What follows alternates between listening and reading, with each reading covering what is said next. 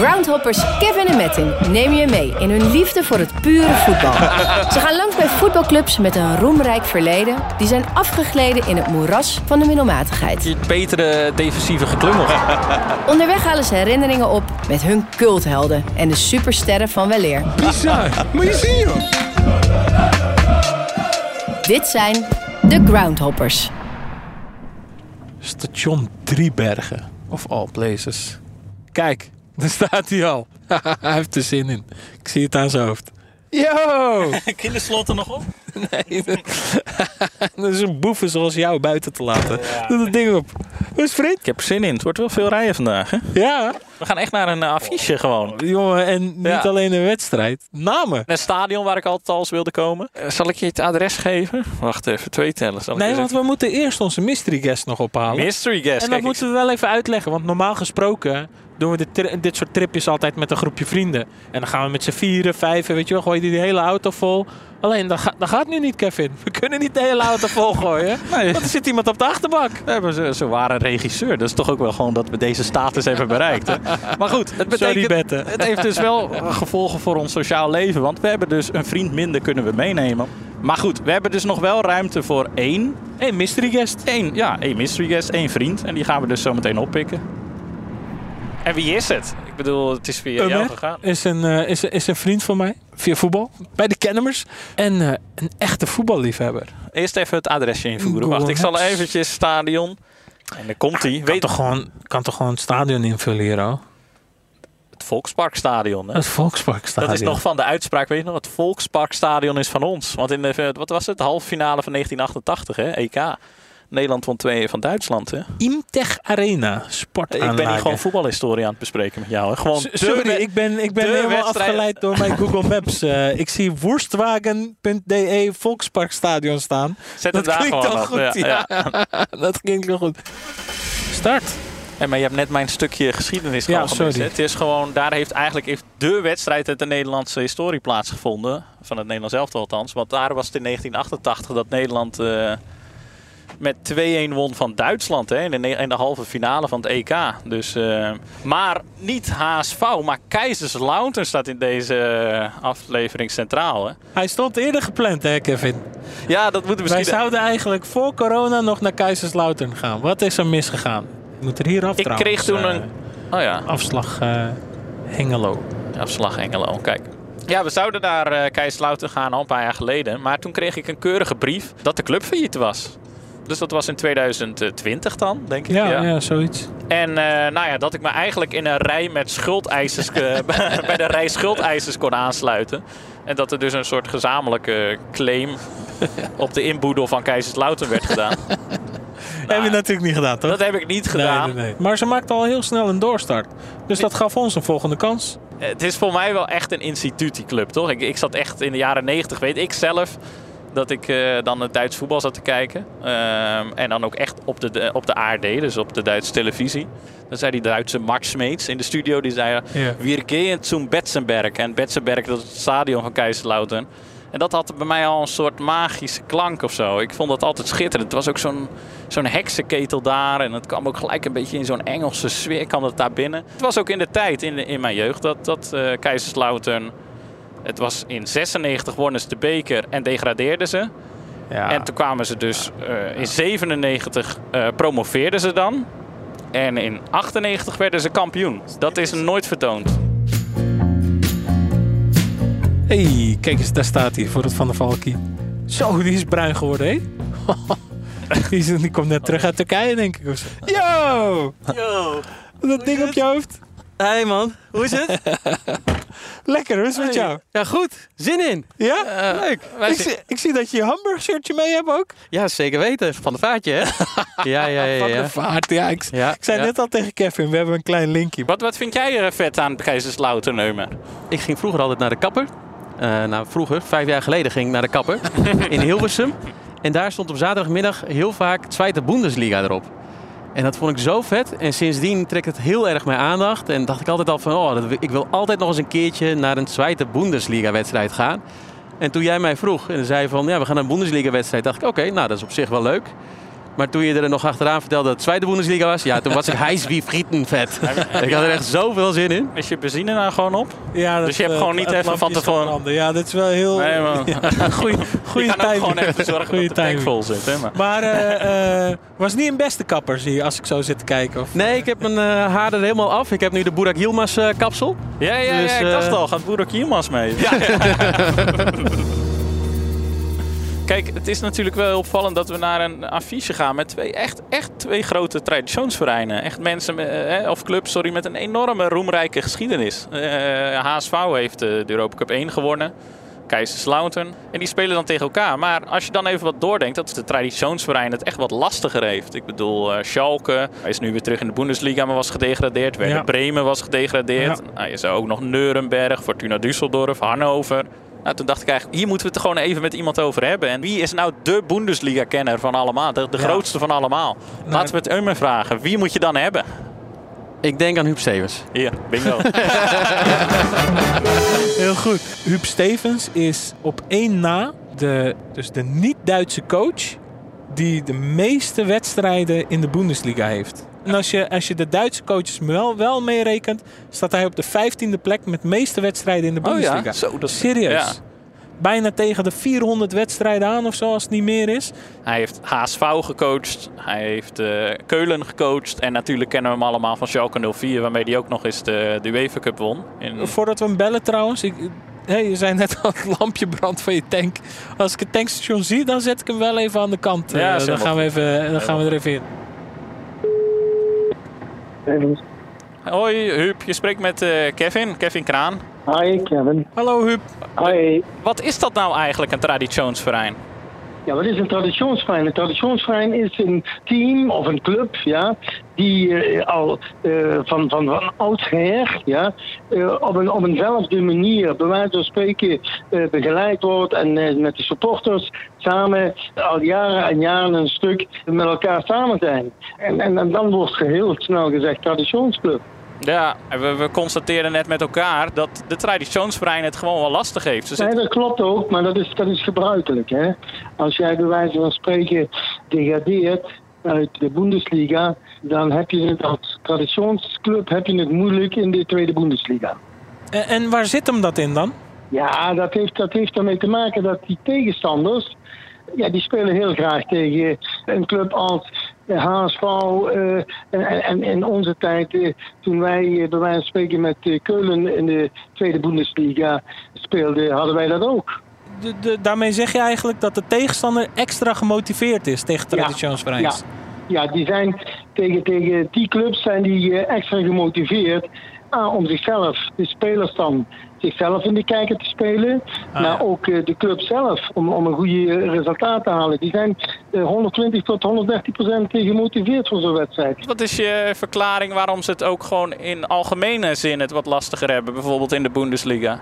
die clubs, zoals bij wijze van spreken Leipzig en noem maar op, ja, die hebben met, met eh, eh, financiële mogelijkheden te doen. En dat hebben die traditionsclubs niet allemaal. Dat, dat nieuwe geld, zeg maar, dat verpest het een beetje Ja. voor die, voor die traditionsvereins. Ja, dat, eh, dat werkt tegen de eh, traditionsclubs.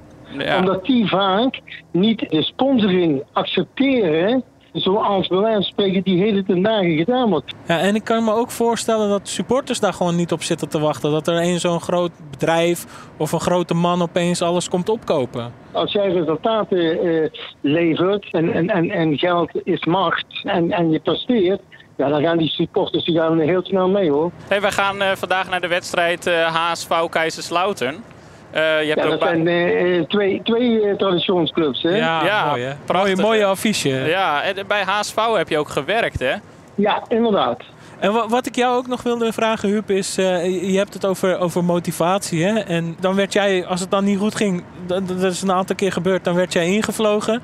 Hoe, hoe kreeg jij het dan weer aan de praat? Volgens mij Ah, ging is- jij er wel stevig in dan, of Kijk, niet? luister, dat is, ja, ja, maar dat is de ene groep voor de andere. Dat is heel moeilijk zomaar even te zeggen. Kijk, als je bij wijze van spreken professionals moet motiveren, dan is dat dan eigenlijk een foute boel.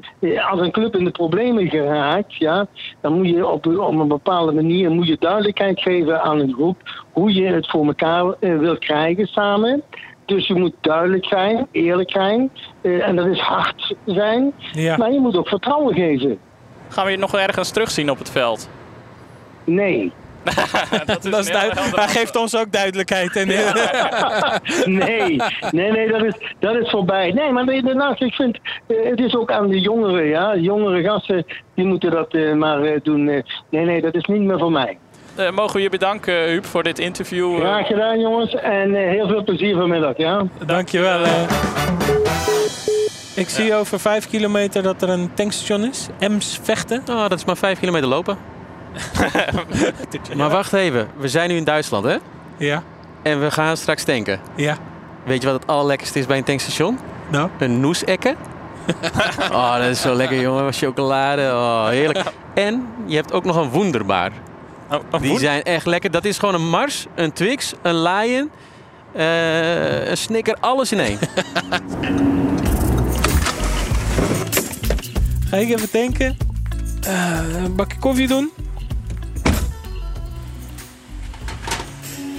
Heb je je hebt wonderbaars gehaald.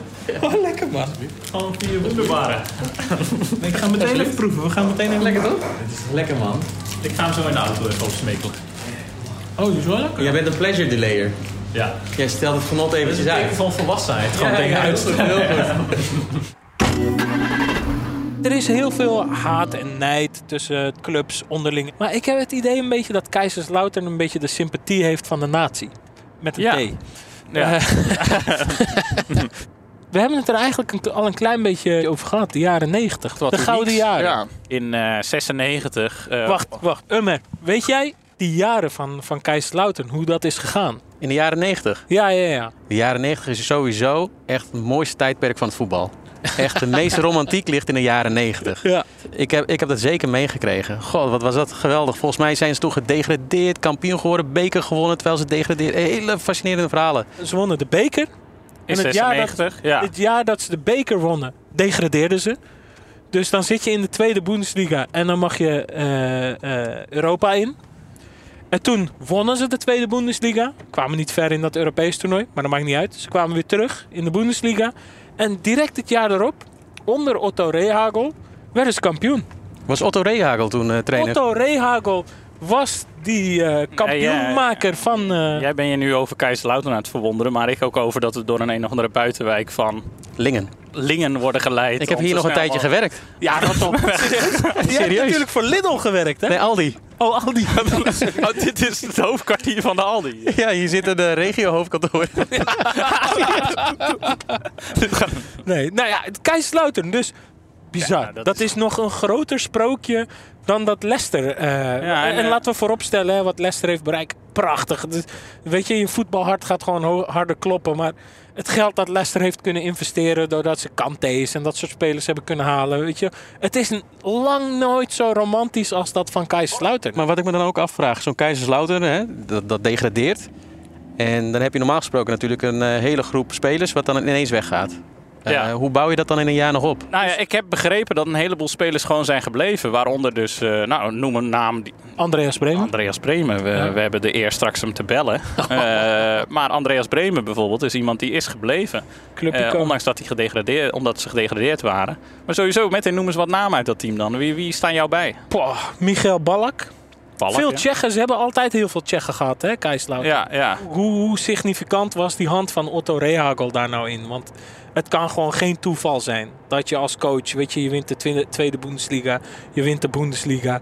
En dat je later ook nog eens kampioen wordt met, met Griekenland. Dat, dat is gewoon geen, Ja. eh, dat is geen toeval. Weet je wie ik vind dat lijstje eigenlijk nog wel het meest interessant vind? Dat is eigenlijk wel Andreas Bremen. Dat is natuurlijk wel echt een legend. Die heeft een beetje, je moet het een beetje vergelijken met... eh, Ik zal, ik zal heel eerlijk met je zijn, Kevin. Want ik, ik, ben, ik ben in 85 geboren. ja, En eh, Andreas Bremen moest, ik- moest ik heel, heel eventjes googlen. Ja, sorry. Nee, nee, ik snap hem. Maar ik daarom, moest hem eventjes googlen. En toen dacht ik, oh ja, nou, daarom is het misschien wel leuk om in te leiden. Want het was een beetje, je moet het een beetje zien dat het een soort figuur is à la Frank Rijkaard... die toen Ajax in 1995 ter hand nam. En dat was dus ook een beetje met Andreas Bremen zo. Andreas Bremen die Ja, die heeft gewoon een heel rijk oeuvre, zeg maar, rijk cv. Die heeft bij Bayern München gevoetbald. Hij begon zijn carrière trouwens al bij Kaiserslautern. Heeft hij bij Bayern München gevoetbald, kampioen mee geworden. Toen is hij dus verhuisd naar Inter. Daar is hij ook Italiaans voetballer van het jaar geweest. Nou, hij wordt gezien als een van de meest complete linksbacks die er ooit heeft rondgelopen. Het zijn wel Maar trouwens is de hoogtijdagen van de Serie A, hè? die begin jaren 90. een beetje die periode, maar dat was ook inderdaad de jaren dat, dat Van eh, Basten, ja, Gullit, Rijkaard, Rijkaard, ja, allemaal Maradona. Maradona, Maradona. ja, ja, ja, Oh, absoluut. de Serie A, jongen. Zo. Ja, waar ik naartoe wil, maar hij is in de kern vooral WK-legende. Want ja, hij schoot Duitsland in 1990 naar de, naar de WK-titel. Want ergens zo eh, in de 80ste minuut kreeg eh, Duitsland een penalty. Het zal dus niet. Tegen Maradona, Ja. toch? 19, eh, tegen Argentinië ja, in de finale. Ja, Nou wordt Bremen ook wel gezien als een van de beste penalty-nemers. Maar we hebben hem dus eh, ja, In de uitzending. om een, een of andere manier bereid gevonden dat hij eraan meewerkt. Dus eh, ja, Kan jij Duits? we gaan hem bellen. Druk jij- André is oh ja, hij gaat, hij gaat over. Spannend. Ja, Ah, vielen Dank, dass ich, dass Sie die Zeit für dieses Interview genommen haben. Wie, wie ist es, sein Land äh, zum WM-Titel zu schießen? Ich kann mich, äh, können Sie den Druck beschreiben, der auf Ihren Schultern lastet? ja, ich meine, Druck hat man äh, in jedem äh, Spiel. Und wenn man Ja, Andreas zegt dus eigenlijk dat hij eh, in elke wedstrijd wel druk voelt. Maar dat hij eh, zich eh, met volle concentratie dus achter de stip stond. En eh, dat zal een gezonde dosis zelfvertrouwen hadden meegenomen uit het toernooi. Toen hij in de 90 de penalty noem, nam in de finale. und zum Glück ist er elf Meter reingegangen. Sie, Sie haben auch die größten Teil Ihrer Karriere beim 1 FC Kaiserslautern gespielt. Sie sind mit äh, Fritz Walter einer der bekanntesten Namen des Vereins. Können Sie das Verein charakterisieren? Was macht es so besonders? Ganz besonders sind die Fans erstmal. Jetzt sind sie ja leider in der zweiten. Nou, Andreas zegt dus eigenlijk wat, wat Kaiserslautern zo'n bijzondere club maakt, is dat, het, dat, het, eh, dat er zoveel trouwe fans eh, zijn. En dat zelfs in de tweede Bundesliga er nog 40.000 mensen op de tribune zaten. En eh, ja, dat die, dat die eigenlijk 90 minuten lang ja, echt, echt de stemming er goed in kunnen houden. Die Fans, die sind was ganz Besonderes. Wir, wir wollen mit ihr zum Jahr 1996. Sie haben den Pokal gewonnen. Sie sind aber gleichzeitig abgestiegen. Wie war das möglich? Wir hatten den schlechtesten Fußballplatz. Dat het zo'n seizoen werd met twee contrasten. Daar, dus hè, dat ze enerzijds de beker wonnen en anderzijds wel degraderen. Daarover zegt Andreas. Dat er ook gewoon veel spelers eh, weggingen. En dat er gewoon veel wat onrust was. En eh, interessant genoeg verwijst hij ook naar de, de nieuwe puntenregeling. Dat ze veel gelijk speelden dat jaar. En eh, dus dat je nu voor een overwinning drie punten kreeg in plaats van twee. Maar dat daardoor het contrast ook groter werd tussen gelijk spelen en eh, niet winnen dus eigenlijk. Dus dat dat de reden was dat ze het verrassend ook degradeerden, ondanks dat ze de beker wonnen. Und haben Sie äh, darüber nage- nachgedacht, nach dem Abstieg äh, zu einem anderen Verein zu gehen? Nein, überhaupt nicht.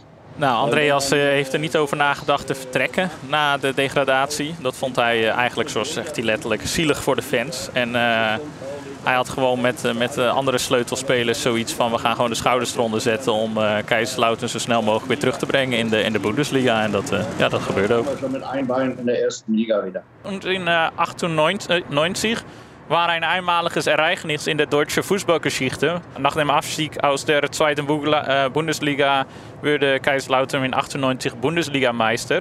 Nehmen Sie uns mit in diesen Jahr.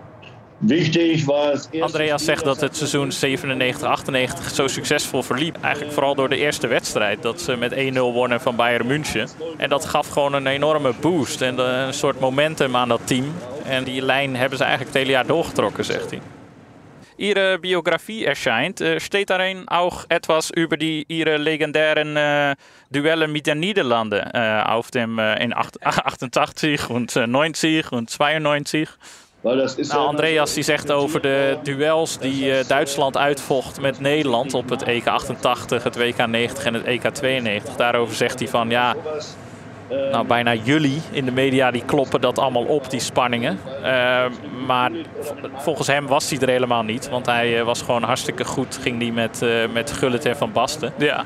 Ehm, hij refereert aan de tijd dat hij zelf bij Inter speelde en eh, Van Basten en Gullit bij AC Milan. En hij zegt in die tijd heb ik heel vaak met hem gegolfd. En dan stonden we vaak met elkaar, elkaar dus op de golfbaan. En eh, ja, dat- hij vindt het gewoon goede gasten met wie hij het prima kon vinden. Eh, ik moet Ihnen voor dit site danken. Niet ja. zu danken. Also, Ja. Allereerst denk ik, jezus, wat is mijn Duits beroerd. Laat staan te sputteren, weet je.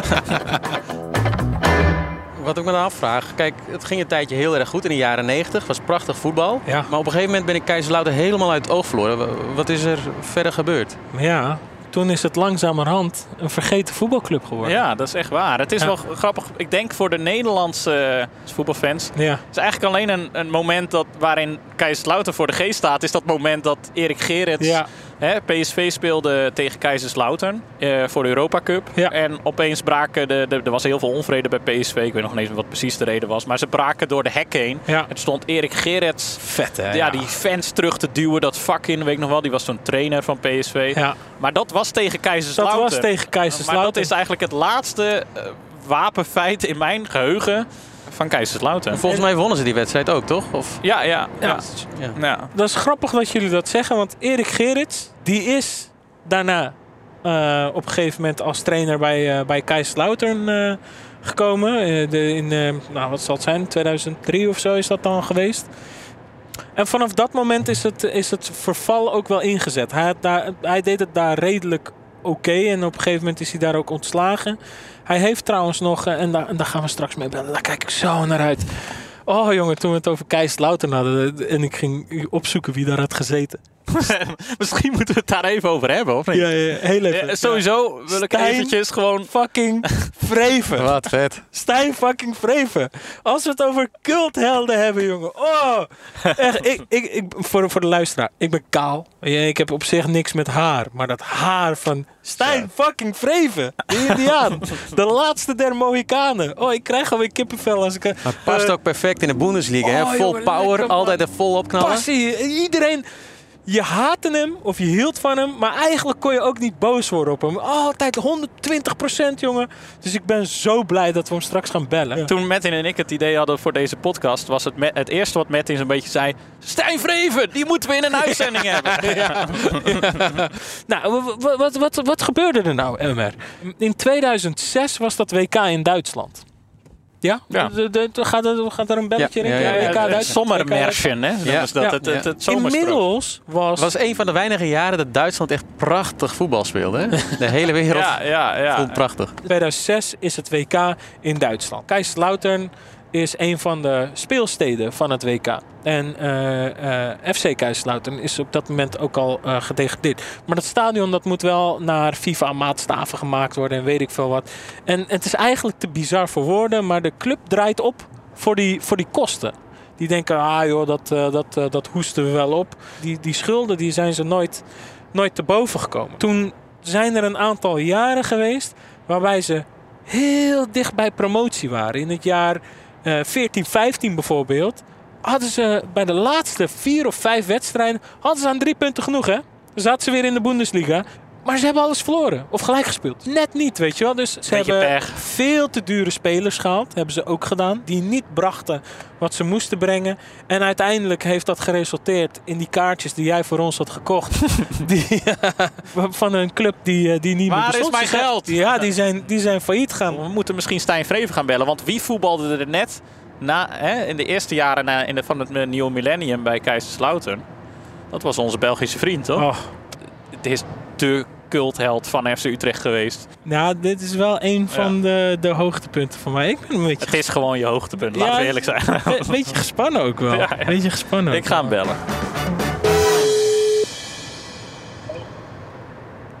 Hallo? Hallo, Hoi Stijn, je, Hallo. je spreekt met Kevin Kraan. hallo, goeiedag. We zijn op weg naar de wedstrijd HSV Kaiserslautern. Wil je eens vertellen, want hoe kwam dat eigenlijk... Oh ja, sorry. Ik vergeet helemaal mijn, mijn mede-podcastmaker te introduceren. Dat is Metin Karatas, die zit naast mij. Die staat, hé, hey, ik ben er ook nog. Ja, ja. Hallo Stijn. Oké, hallo, hallo, hoi. Mijn excuus. Hoe kwam die overgang tot stand dat je bij, eh bij ging voetballen?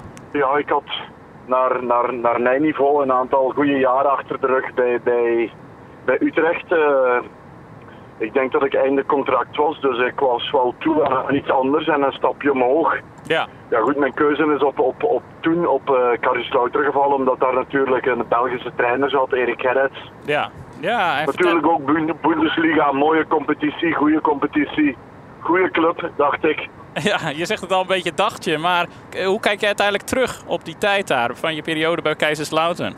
Ja, het is zeker niet geworden wat ik ervan gedacht had. Daar moet ik eerlijk in zijn. Ik had daar een, een driejarig contract getekend. Ik ben na één jaar vertrokken. Ja, de trainer die me gehaald had, Erik Gerrits, dus die was al veel langer vertrokken. Ik denk dat eh Gerrits na, na drie of vier maanden ontslagen werd.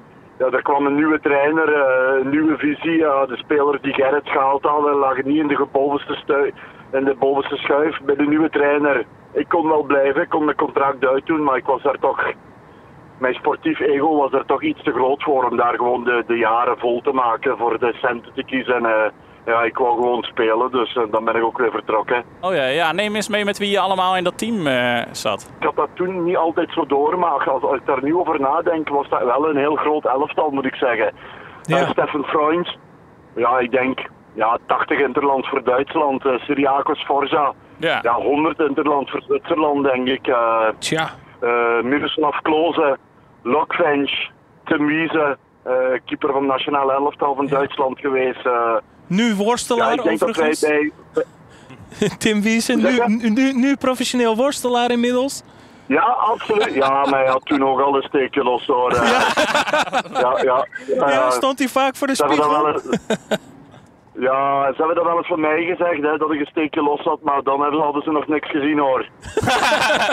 ja, ja, ja, ja, ja. Want dat, als ik dat terugkijk en lees en dan zie ik die supporters ook heel vaak hetzelfde zeggen. Hè, van er is, eh, er is voor grote sommen en grote contracten spelers gehaald die het, eh, die, het- die het niet leverden. Maar jij zegt dat in mijn tijd merkte ik daar weinig van. Eh, kan, kan je een speler als, eh, volgens mij wa- waren een van de grootste namen, die heb je al genoemd. Klose, hoe, hoe was dat om met, met zo iemand op het veld te staan? eh? Ja, dat was toch wel speciaal, vond ik. Ik bedoel, eh, ik, ik had natuurlijk niet gedacht op dat moment dat hij zo eh, ja, bij Bayern München zou terechtkomen, dat hij in Italië zou terechtkomen, dat hij WK-topschutter zou worden en zo. Ja, dat merk je niet, maar je merkt wel dat zo jongens, dat dat internationale vedetten zijn. Hè. Die kregen elke dag, ja, honderden brieven post, kregen honderden cadeaus elke dag. Daar zat eh, elke dag... Daar, daar heb ik trouwens wel eens wat over gelezen. Eh, heb, heb jij zijn eh, kruimeldief nog? Ja? Nee, die heb ik niet meer. Nee. nee. Ja, had ik toen geweten dat hij zo groot zou worden, had ik hem beter bijgehouden. Ja, maar ik zeg, eh, Ja, wat voor de duidelijkheid, je kreeg dus de kruimeldief van eh Miroslav, eh, Miroslav, zo, Miroslav. Die kreeg een hoop cadeaus. ja. En hij heeft dus, Ja. een van die cadeaus was een kruimeldief en die heeft hij dus aan jou eh, gegeven. ja, hij deelde dat gewoon elke dag uit. Hij kreeg inderdaad cadeaus zoals ja, een kruimeldief en eh, noem het maar op. Gekke dingen ook. eh. Maar, maar die beleving voor jou was, was ook anders, toch? Eh, Als, als speler daar. wij Duitse Nederlanders zijn toch veel nuchterder. Hè? Ja, goed, wij, wij voetballen toevallig. En oké, ik heb een mooie anekdote is bijvoorbeeld. Ik woonde in Tripstad, een klein dorpje net buiten Karreslauteren. Ja. En dat lag op een berg. En omdat dat een beetje met heel veel bochten was, mijn, mijn toenmalige vrouw had, had een mini. Dus ik ging heel vaak naar de training met, met haar auto, met die mini, omdat dat heel soepel en dynamisch reed. En eh, op een gegeven moment moest ik bij de teammanager komen en die zei, ja Stijn, eh, eh, dus elke ochtend werden wij opgewacht door fans als wij de, de, de parkingen binnenreden. Ja, er zijn er wat klachten van fans, want ja, al, al mijn teammaats die, die reden bij Ferrari, Hummer, Porsche, noem de, de automerken maar op. En ik kwam dan bij een, bij een Mini en de supporters hadden geklaagd dat dat eigenlijk niet met de status van de club hoorde, een Mini. Dus al die andere auto's. Ja, in België of Nederland zou het gewaardeerd worden, hey, Ja, eentje precies. die normaal doet. En daar werd het eigenlijk het tegenovergestelde gevraagd. Is daar ook niet een beetje het verval van het voetbal? Die, die, die, weet je, de, de, het moet allemaal maar groot, duur, dat nieuwe geld. eh, Ja, ik, ik vind dat de, inderdaad, dat, dat zou heel goed kunnen kloppen. Inderdaad, dat, dat randfactoren belangrijker zijn geworden dan het, dan het echt het spelletje op zich. eh, wat doe je tegenwoordig? Een boekje lezen? Of, eh, Ik wacht. ik wacht, ja? Ik wacht op een nieuwe club. Ja, ja. Ze, kunnen, ze kunnen bellen. Nou, eh, heel graag. denk dat we nog één vraag voor je hebben. We zijn namelijk wel benieuwd wat jij denkt dat eh HSV Kaiserslautern vanavond wordt. Ja, dan verwacht ik toch dat de HSV gaat winnen vandaag. De uitslag? Ik Voorspelling? denk dat het ehm, 3-1 wordt. 3-1. Die staat genoteerd. En eh, Ja. als het zo is, dan eh, is de, gaat er een taart eh, richting eh, België. Dat is heel goed, daar hou ik je aan. hoi, hoi. Ik, eh, ik wil even gezegd hebben. Ik heb pijn aan mijn kaken van de grote glimlach die ik op mijn gezicht heb. Die straalt er helemaal van. eh, Metin. Ja, ja, ja, ja, ja. Op een gegeven moment reed Metin ook een beetje te hard. En er waren best wel wat flitspalen. Dus ja, ja, ja. Dit staat nu op hè, dat ik straks niet de rekening krijg. Ja. Ik- wil toch nog iets meer in, die in, die, in die moeilijke jaren. Wij hebben echt ons best gedaan om heel veel mensen. Ja, ja. Nou ja, En misschien moet je één vraag- Ik ben in de krochten van het internet geweest om te kijken van... wie heeft er allemaal gevoetbald bij Kaiserslautern toen het heel kut ging? Ja, en ik wil daar even bij benadrukken. Er hebben gewoon bijna geen Nederlanders gespeeld. Ze hebben Eh, zelfs een speler uit fucking Malta gehad. Er is geen enkele Ja, speler uit Malta misschien is moet je ook vertellen. uit Malta gegaan om te voetballen in het buitenland. Maar nee, Kaiserslautern had een Maltees. Michael Mifsud. die- Maltese, Maltese voetballer van de eeuw. ja, ja, ja. ja. Dus ik, die wilde ik benaderen. En die stuurde ik een mailtje. En in het begin was hij een beetje geïnteresseerd. En toen kreeg ik een mailtje terug met... Are you fucking joking, motherfucker? die geloofde niet dat er iemand uit Nederland geïnteresseerd was in een Maltees. Maar even terug, we hebben wel een Nederlander bereid gevonden. Of beter gezegd, een Nederlandstalig iemand gevonden. Want het is een eh, speler, een, een Curaçaoenaar, Ja. die momenteel bij, eh, bij Zwolle voetbalt. Gerveen Castaneer. Die heeft net voor het, het faillissement van Keizerslouten daar gevoetbald. Ik weet niet of we dat voldoende benadrukt hebben, maar in 2019, 2020 was dus een hele reeks aan schuldeisers. Ik, ik zit hier door te tellen, dat zit wel een beetje op 18 miljoen schuld hadden ze zo'n beetje. Eh, eigenlijk hebben ze toen faillissement aangevraagd en vervolgens hebben ze een doorstart kunnen maken. Dus dat zodoende bestaat Keizerslouten nog. Maar eh, ze zijn dus in die tijd, eh, toen Castaneer daar voetbalde, speelden ze dus op het derde niveau, in de derde Bundesliga. Inmiddels dus op de, in de tweede Bundesliga. Zullen we hem eens bellen? Hallo met Sven. Hey Tjeveen, je spreekt met Kevin Kraan. Hey. Hoi, wanneer heb jij gespeeld bij Keizerslouten? Dat is misschien nu zes jaar geleden. Zes jaar geleden, ja. Het was een pittig jaartje. We zaten in de tweede Bundesliga. Toen ik werd gehaald was uh, spraken ze veel hoop uit om uh, eigenlijk ja, te gaan promoveren. Veel nieuwe spelers gehaald. Ja, ook wel aardig wat geld neergelegd uh, voor bepaalde spelers. Uh, maar ja, dat viel zwaar tegen eigenlijk. Ehm, Ja, want ze degradeerden toen ook, toch? Ja, precies. Ja, uh, we hebben geen wedstrijd gewonnen volgens mij. Uh, oh, Misschien één of twee wedstrijden. Ja, dus uh, vijf trainers gehad in één jaar. Oh jeetje, ja. Ja, het was heel, uh, ja, was heel lastig eigenlijk. Het was een heel lastig jaartje. Kun je ons meenemen hoe het daar rommelde, zeg maar? Betzenberg, zeg maar, als je het stadion ziet, dat, ja, dat is echt uh, niet normaal, zeg maar. Groot, 50.000 man passen erin. En uh, op zich leven ze daar ook wel naar, in principe. Uh, alles is goed geregeld. Uh, we hadden sauna, we hadden een zwembad in de kleedkamer. Ja, je leeft er gewoon wel echt als een, uh, als een prof, zeg maar. Hoe je, hoe je het voor je ziet, zeg maar. Maar ja, vanuit bovenuit was het heel rumoerig. Um, ik heb er niet heel veel van meegekregen. In dat jaar kwamen er ook veel, steeds minder mensen naar het stadion. Fans waren zeer ontevreden. Je had het over dat die fans echt wel echt, echt boos waren. Hè? Wat, wat merkt hij daarvan? Kwamen die het trainingsveld oplopen of zo? Of hoe, moet ik dat zien? Ja, ja, ja. Ik heb dat, dat heb ik ook gehad. Ik heb gehad dat ze na een wedstrijd gewoon het trainingsveld opliepen, de harde kern. En dan stonden er twintig brede gasten voor ons neus. En, uh, of we kwamen op het trainingsveld en dan zagen we allemaal uh, vlaggen met uh, ja, de gekste, gekste woorden. Scheisse team, bla bla bla, dit en dat hoop onzin. Maar wat ik echt van dichtbij heb meegemaakt is dat ik zag dat trainers gewoon heel fris naar de club kwamen in het begin. En uh, toen ze weggingen waren ze uh, tien jaar ouder. Mijn laatste trainer, Jeff Strassen, die kreeg nog een hartaanval tijdens een wedstrijd uit bij Darmstad. Ja. In de rust. En toen werd die wedstrijd ook uh, gecanceld. En dan achteraf hoorden we dat hij aan de sigaret, sigaretten zat, slaappillen en alles erop en eraan. Omdat hij gewoon die stress niet aankomt. Toen de degradatie ook echt een feit was. Ja, dan is het gewoon van, ja, wat nu? Eigenlijk, dat was, het eerste, was de eerste keer dat ik degradeerde. Ja. Maar in de club was het gewoon van ja, oké, nu hebben we al die spelers die weggaan. Veel gesprekken. En eh, voor mij was het inpakken en eh, ja, ik wou zo snel mogelijk weg. Dus het was inpakken en wegwezen. Ja, ja. Ja. Is zien we volgend jaar weer terug in de eredivisie met Zwolle?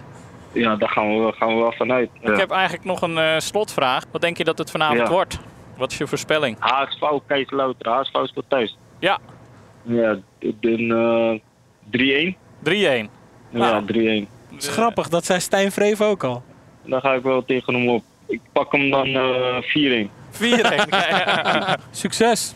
Ja, dankjewel. Jullie veel plezier vandaag. ja. Gaat goed Dat komen. het eh, een, een leuke wedstrijd wordt. Oké, dankjewel hè. Hoi. Hoi. Hoi. Vijf trainers in een jaar? Vijf. What the fuck, ouwe? Ja. Hartaanval, slaappillen, Dat- sigaretten. Maar wa- wat je daarin eigenlijk ook hoort, is dat die trainer eigenlijk de spelersgroep heel erg beschermt. Hè? Ja, Dus dat die stress niet wordt doorgeleid die vanaf de top komt. Maar hij houdt die stress dus blijkbaar bij zich. Ja. ja. ja. Ja, ja, ja. Met ja. alle gevolgen van dien. Zo hé, heftig verhaal Ja. hoor. Hoe kunnen ze nou een hele weg Er komt afzetten? gewoon een half uur bij. Zullen we weer de aftrap niet halen? Als ik hier rechtsaf ga, rijden we dwars door het centrum nu. Maar we gaan dus nu echt wel naar een wedstrijd. Hè? Want we gaan naar de tweede Bundesliga. Maar er zit, ik heb, ik heb het nog gezien, er zit 57.000 man zitten vanavond op de tribune. Dit had net zo goed een 57.000. Bundesliga-wedstrijd kunnen Ja, zijn. in Nederland is er geen club die zoveel sporters eh, op. eh, ze- een sta- geen stadion bedoel ik te zeggen. Die zoveel sporters kan herbergen. Maar hier zitten ze gewoon. 57.000 man bij een wedstrijd in de tweede divisie. Nou, dat vind ik wel bijzonder. Ja, en, wat ik al zei, eh, sinds ik eh, dus naar mijn kapper ga, eh, volg ik de Tweede Bundesliga nogal. Ja, In ieder geval via teletext. Ja. Ik weet er verder niet echt heel veel van. Maar wat mij wel iedere keer opvalt, is dat HSV heel goed meedoet bovenin. ja. Een paar keer vierde geworden, vorig jaar derde geworden. Maar nu is het toch alweer een tijdje geleden dat ze in de Bundesliga zaten. Dus er is hun ook echt alles aan gelegen om dit jaar wel te promoveren. ja. En ergens verpesten ze het iedere keer ook aan het eind. Dus eh, ik ben eigenlijk wel benieuwd wat het vandaag gaat eh, brengen. Denk je dat die, eh, dat die kapper nog aan het kijken is vanavond? Ja, wil je even een shout-out doen naar Ja. je kapper? Sowieso een shout-out naar mijn kapper. Ja, eh, de beste kapper. Maak anders even reclame voor hem. Welke, hoe heet die kapper? Ja, ik weet zijn naam dus niet. Hij noemt me altijd buurman. Ja, wat is dit nou? Ja, hij, noemt, hij noemt me altijd buurman en ik noem hem ook altijd buurman. Waarom noemt hij je buurman? Ja, geen idee. Hij noemt iedereen buurman. en iedereen hem ook. Dit is geen grap. Hier, Volkspark naar rechts. Het zou kunnen 800 meter nog, jongens. Ik vind het spannend, want ik zie niks. En we gaan een berg op. Ah, Het is ook donker, ik zie niks. Het is een beetje een bossige omgeving. En we gaan een beetje omhoog zo. En het staat hier vol Ik vind met het echt auto's. heel maf. 700 meter van... Ja. En dan moeten we lopen naar het stadion, denk ik. Het zal nog best een klusje worden, ja. Oké. Dit is helemaal aan. Het begint opeens heel hard te regenen. Van, van die dikke druppels inderdaad. Lopen we door, gewoon een, koude druppels. door een donker park. Man, man, man. Oh ja. Ja, ik hoor het stadion. Ja, ja, ja. Zo, dit hoor ik heel duidelijk, ja, nu. Ah, ik zie ook al lichtjes, ik zie supporters lopen en we zitten wel aan de goede kant. Jezus, wat een stadion, joh. Moet je zien. De fakkels gaan aan in het uitvak. Die uh, fans, joh. Wat een prachtige choreografie hebben die. hey, hey.